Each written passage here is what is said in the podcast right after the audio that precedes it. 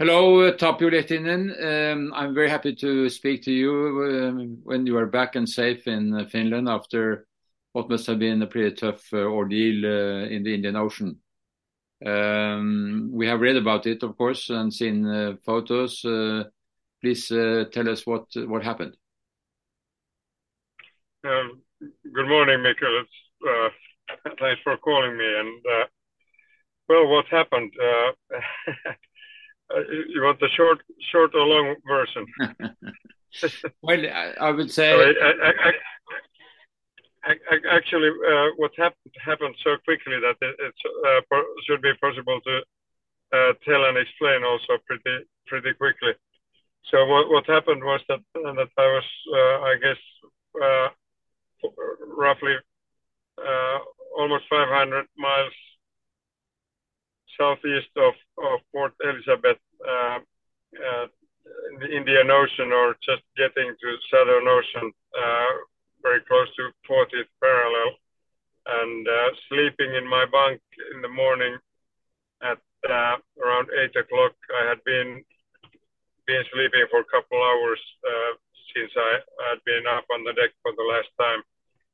Weather was very nice, Maybe maybe roughly, uh, I would say four four or five meters per second uh, from uh, easterly wind. I was on port tack and not big seas or anything.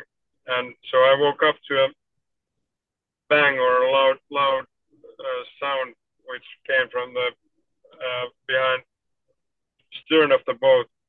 Uh, I had already rigged the safety net above my bunk, uh, which I use in the Southern Ocean to keep me in the bunk in a case of a knockdown or rollover.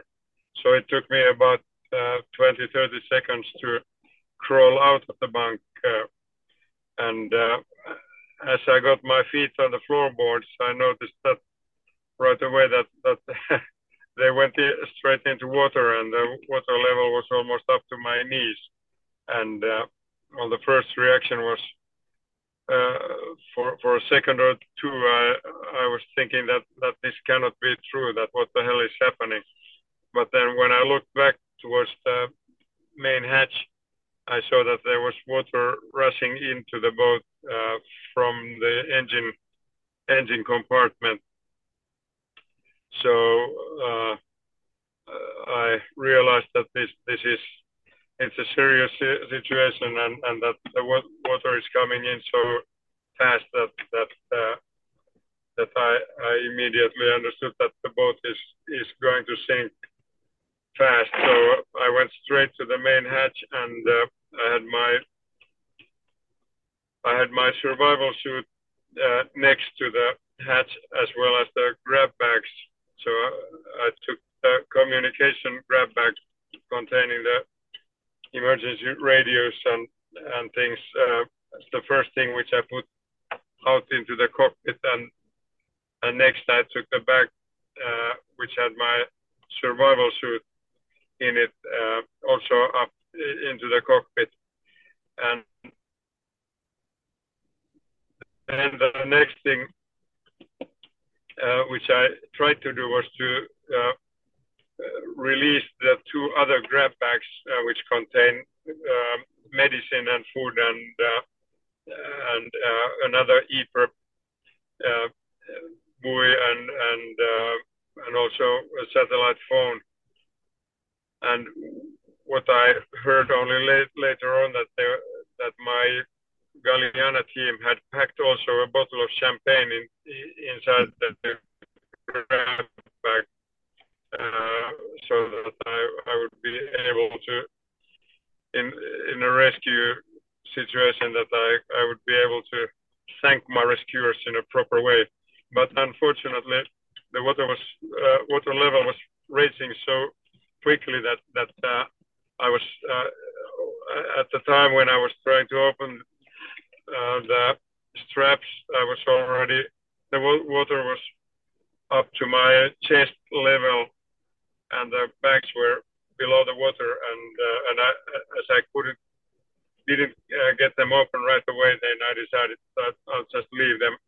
I went up up on the deck, and while doing this, I I had had this, all these two about three four minutes maybe, and uh, or actually less less than that. Uh, uh, I, I guess I, I I was up on the deck already within one one minute because the uh, the next thing was that I put my survival suit on and and put the life raft into the water.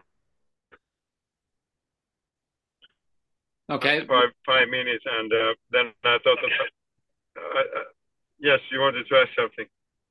No, the connection wasn't very good, but now it seems to be back. Uh, it's uh, it's a fluky the, the connection here, but um, but then you then you went on to to uh, catch your your life raft. Yes, after putting putting the survival suit and the communications grab back up to the deck and and realizing that I wasn't able to take the, the two other grab bags with me. Then I went up on the deck and put the survival suit on and and then uh, released the life raft and put that in, into the water. And uh, seeing it, uh, seeing the Plastimo life raft, uh, which has been had been especially equipped for the Golden Globe race, when I saw it saw it opening, that that was the first big positive feeling and a big big relief. And mm. uh, my my survival survival suit is a Finnish Ur, Ursuit uh, one, which is a, a very good uh, thick Gore-Tex thing, which has a liner suit uh, uh, inside it, and but in the rush I decided uh, to leave the liner suit in in the bag, and so I, I put the liner suit and the bag and the communications bag uh, next into the life raft. And, and as the boat was down in the water already uh, about to the deck level, I also cut the, the line which uh, was attached from the life raft to the boat. Uh, so I cut it with knife and, and tied it uh, with a slip knot to the to the stanchion uh, hole. And, and after doing that, I had one last look inside the boat, uh, looking whether, because I knew that there was one EPIRB buoy inside the boat. Uh, so uh, that, that was my main concern. And I also thought that I, I might uh, get hold of my dear Cassens and Plath sextant, which is kept in a watertight uh, hard uh, box that that that uh, probably was floating there, but I, I didn't get me either one of these. And and uh, when I glanced then over my shoulder to the life raft, I realized that my slip knot had opened by itself, and the life raft was drifting away from the boat already about two or three meters away. So uh, then then it was just an instant reaction that I've just made a tiger leap uh, jump over the stanchions uh, uh, towards the life raft, and th that's the only only time of the incident which I don't have a clear recollection, because the the next thing was that which I remember was that I was inside the life raft, but it was already so far away that I must have landed in the water and and climbed up, but uh, I've been wondering maybe I bounced from the surf water surface or something because it, it went really quickly and and uh, but I have been practicing.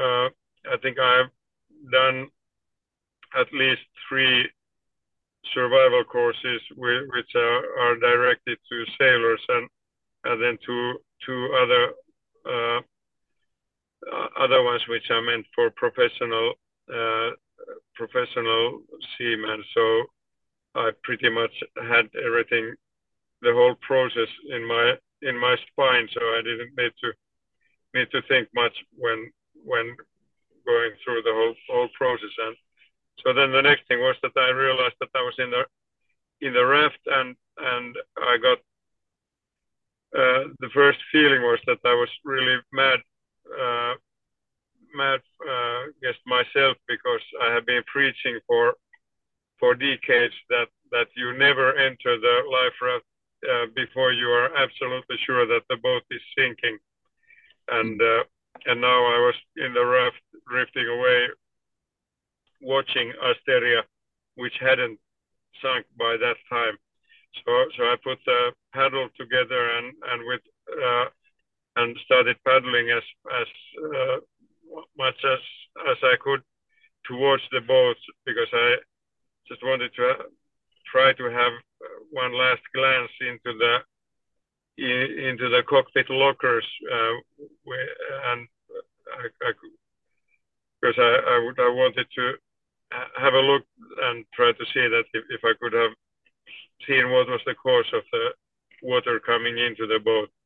But unfortunately, I found it impossible to get the raft moving, so I was just slowly drifting away from the boat. And uh, then it took about 15 minutes for the boat to fill up uh, all the way. And, and first the stern sank uh, below the surface and, and the bow, which has uh, three watertight uh, uh, bulkheads, so the bow raised up, but but then actually surprisingly quickly the the bow compartment still uh, filled filled with water.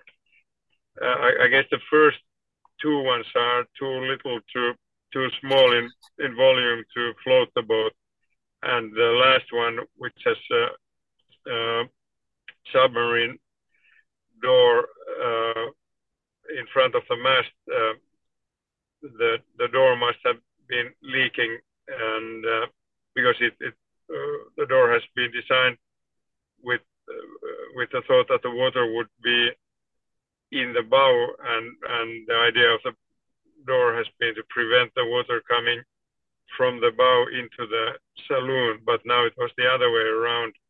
So so the gaskets must have given in so that the uh, also the uh, forepeak was filled with water, and, and then there was nothing more to do than just follow the boat boat sinking. How much time do you reckon uh, it would take from uh, the, you first heard the bang and had to get out of your bunk until uh, the boat actually sank? Less than half an hour, about 25 minutes. Mm. So I, I, from the bang to the moment when I was in the life raft, that, that was between five and six minutes. And then, then in the life raft, I, I was uh, about 20 minutes uh, before the boat sank. And today, do you have a theory of what happened? No, no. There, there are uh, an abundance of theories uh, which have been sent to me by my both my friends and, and other interested sailors. But uh, the boat was totally rebuilt uh, for four and a half or five years ago, and uh, and the hull was strengthened. We laminated three layers on the out, outside of the hull, uh, two layers of fiberglass and one Kevlar in between, and uh, and all the all, all the bulkheads were uh, replaced, and uh, and we also added longitudinal stringer, stringers into the hull, and and the the deck and coach roof uh, are new. So of the original boat, the only thing which was left was the shell of the hull, but the whole construction was redesigned and rebuilt. And uh, I'm 100% sure that that the boat was much much stronger than what it had been in 1965. So it must have been through the propeller shaft, uh, supposedly. Uh, could you repeat the question, please? Was it the water It must have come through the propeller shaft, I suppose? Uh, the opening of the propeller shaft or the rudder shaft is not big enough uh, to fill the boat this quickly. So uh, uh, some a couple engineer friends of mine have calculated that that in order uh, for the boat to fill uh, totally within uh, five six minutes, it, there has it will need, need a hole of diameter with a diameter of minimum 15 to 20 centimeters. Mm-hmm. And uh, and both the rudder shaft and uh, well, I saw the rudder and I knew that the rudder was in, in its place. And uh, as it's a long long keeled boat with a propeller in a in an ap- aperture uh, aperture in in the rudder blade, so it's not possible for the uh, rudder shaft to fall off the boat. Mm. So so it would uh, the thing which is possible is, is that the uh, propeller uh, shaft seal would have uh, given in, and uh, and that would sink the boat, but not not that quickly. Mm. Well, one one, one an, an, another theory uh, uh, which which which is possible in theory. I don't know if it's possible in practice, but but uh, Newsweek wrote an article about the sinking, and and in their headline they said that the boat was sunk in in shark-infested waters, and uh, I didn't think of sharks when I was spending the night in the life raft. Uh, but in the article they said that, which, which I then afterward remembered that that I should have known, but I'm I'm happy that I I didn't remember. But but uh, there's the world's biggest uh, white shark population is is off the southeastern coast of South Africa. But but uh, after reading the article, I googled uh, a bit on on the subject and uh, and I found another article which said that that the white shark population has diminished during the last few years due to an uh, orca population growing in those waters, and the orcas uh, think that that uh, they, they, like to eat the the livers of white sharks, and uh, so the amount of white sharks has been going down. But but the the, the possible theory is that maybe the South African orcas have been in contact with their Iberian Peninsula cousins and had learned learned to be, be aggressive uh, to against sailboats. But uh, but then the question is that why why did that if there was a, strong impact from a whale, that how how did I not how didn't I wake up to it? But uh, I have said that I have a history of not waking up that when I was an exchange student in, in California uh, 50 years ago, I was waiting for an earthquake for the whole year I spent there. And then the earthquake finally came and the, the, the swimming pool of family where I was staying at was uh, uh, broken in, in two pieces. But, but the earthquake happened nighttime and I didn't wake up. So, so I think, and, and at this age when I'm all, also half deaf, I, it's also possible in theory that, that, there has been such an impact that I, I only realized the sound, but but not the impact. And I, I did I I did have an en- whale encounter, I think three or four days earlier, uh, when a I think it was a humpback whale which, which dove up to the surface from under the boat. So that when I, I was sitting in the cockpit, and all of a sudden uh, the head and the side flipper of the whale appeared uh, just two meters from the boat, and, and it, it came from from under the boat and and went went uh, off the boat and lifted its tail uh, next to the boat. So uh, but but uh, still and, and still I, I when I had this encounter with the whale, I didn't get afraid at that time because I had 100% trust in the strength of the hull. Uh, I think I had been thinking that that that even I, I would have had a uh, whale attack that, that the boat boat would stand stand it, but but something happened which which, which it, it didn't stand, and mm. uh, I I guess it will remain a mystery because because the boat is in, in five kilometers deep. My my grandson, who is three years old, he has suggested that we should get a big ship and long long wire and take the boat up. But, uh, uh, I guess it won't happen pretty soon. mm-hmm. How long time did it take um, from you were uh, safe in the life raft until you uh, were able to contact um, the race headquarters or, or, other boats?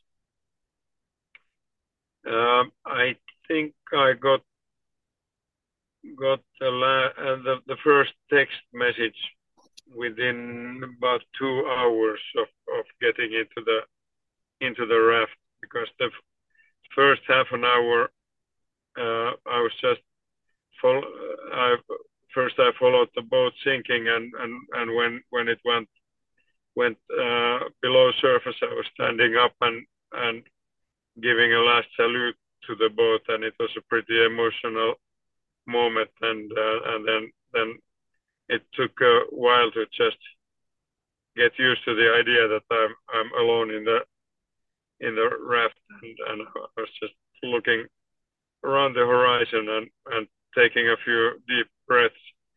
But then I started going through the equipment which I had on, on board the raft. And that, that was like a Christmas when I started opening the stuff which I had in the raft. And I'm, I'm, I was really happy and impressed that, that, that how, uh, that even that I had left my own grab bag behind, but I, I had all the necessary things packed by, by Plastimo in, into the raft, and uh, there was a first aid kit, and and uh, and uh, the most important thing which, which I found from there was was a PLB uh, PLB beacon, uh, which uh,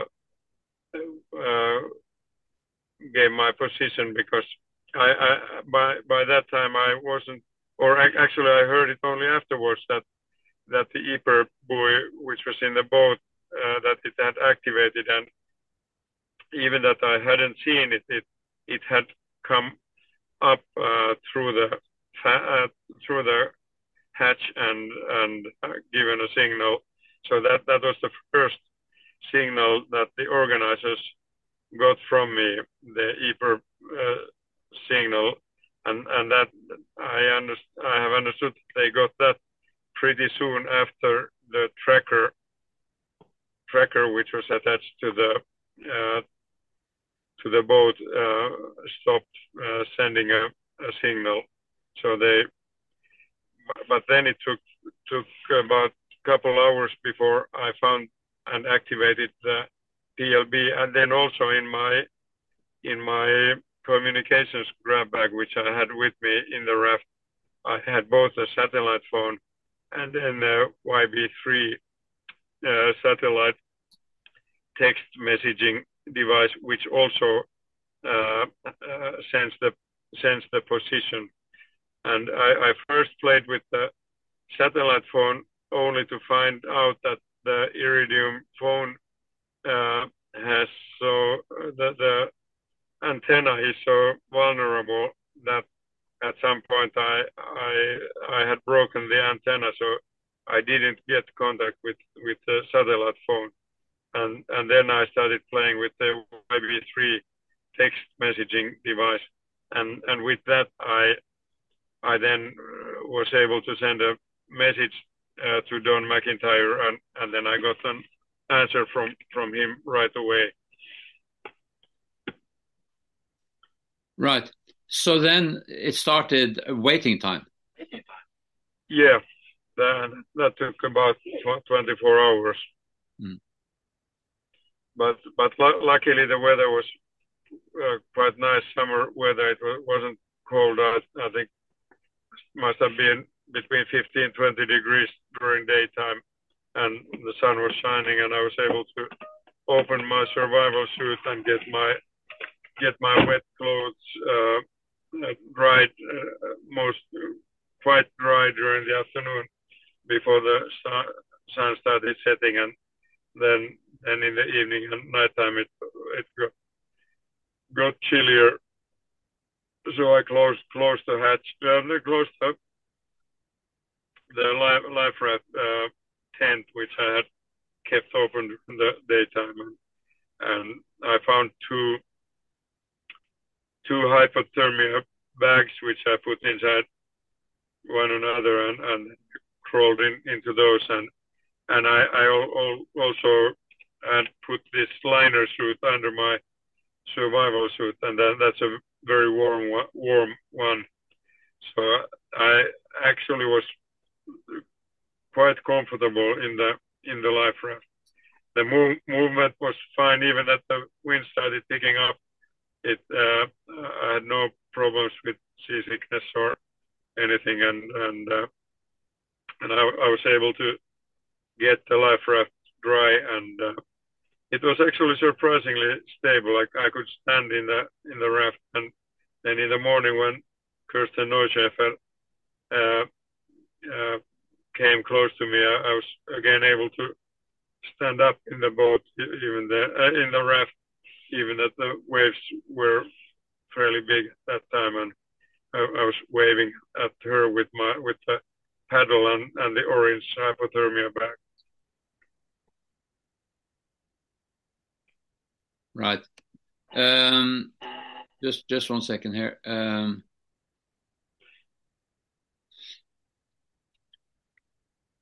uh, what happened then was that um, you were picked up um, by your competitor, and uh, how about food and drinks in the meantime? Were you uh, able to uh, to eat uh, or drink anything? Well, I'm I'm 64 years old, turning 65 uh, in a couple of weeks. So, looking at the at the color of your hair, may, maybe you understand that my age, uh, I, I need to take a leak uh, every couple hours, mm-hmm. and uh, and the zipper of the watertight metal zipper of the survival suit is a pretty tough one to to open and close by by yourself, and uh, and I I also was confident. I knew that that Kirsten Neuschäfer and and uh, Abhilash Tomy were roughly one day behind me. So uh, when e- entering the life raft, and uh, or, or, when I was trying to get the two other grab bags off, then then I already thought at that time that that I will be picked up from the life raft within roughly 24 hours, and uh, so once in the life raft, and even that I saw that that I had emergency water and emergency food there, I decided that that I'm not going to drink or eat anything before I absolutely need to, and uh, because I, I, said that it was a luxury luxury life raft and uh, fully equipped, and the only things which I was missing was a Bi- Gideon Bible and and and a bathroom or toilet. And, and due, due, to this last reason, I I only drank uh, I think two two 250 mil, uh, milliliters of water in in the morning when I felt felt, felt thirsty. But I, actually I didn't even during the whole day and uh, night I didn't feel uh, hungry or thirsty. So. Mm and and there was no contact with uh, orcas or any other animals during that period. Uh, not with orcas or sharks, but but uh, the petrels gave me a lot of company uh, during the day. The, I, am not sure if it's a giant petrel, but it's a, a, a all black uh, black petrel, pretty big sized bird with, and uh, first uh, there came a couple of them, and a couple hours I, I had 20 of them around the around the raft, and uh, at, at one time I thought that because they were all, all black that that I hope that they are not that they are not ocean vultures. Mm. So I I was I was afraid of farting in the in the raft because I thought that then they think that the guy has started to rot and that they'll they'll enter the raft.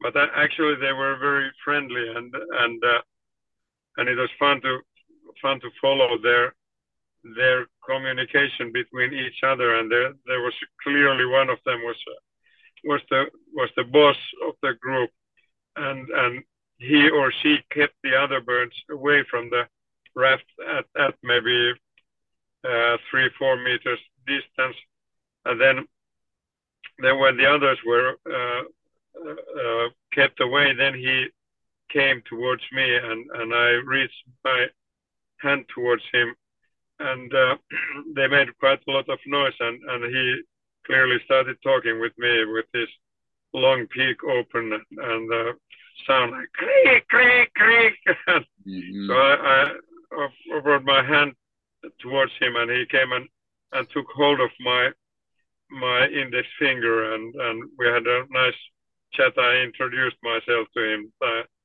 told him that I'm I'm Lehtinen from Finland and I'm only visiting here that I, I'll be staying here for roughly one day.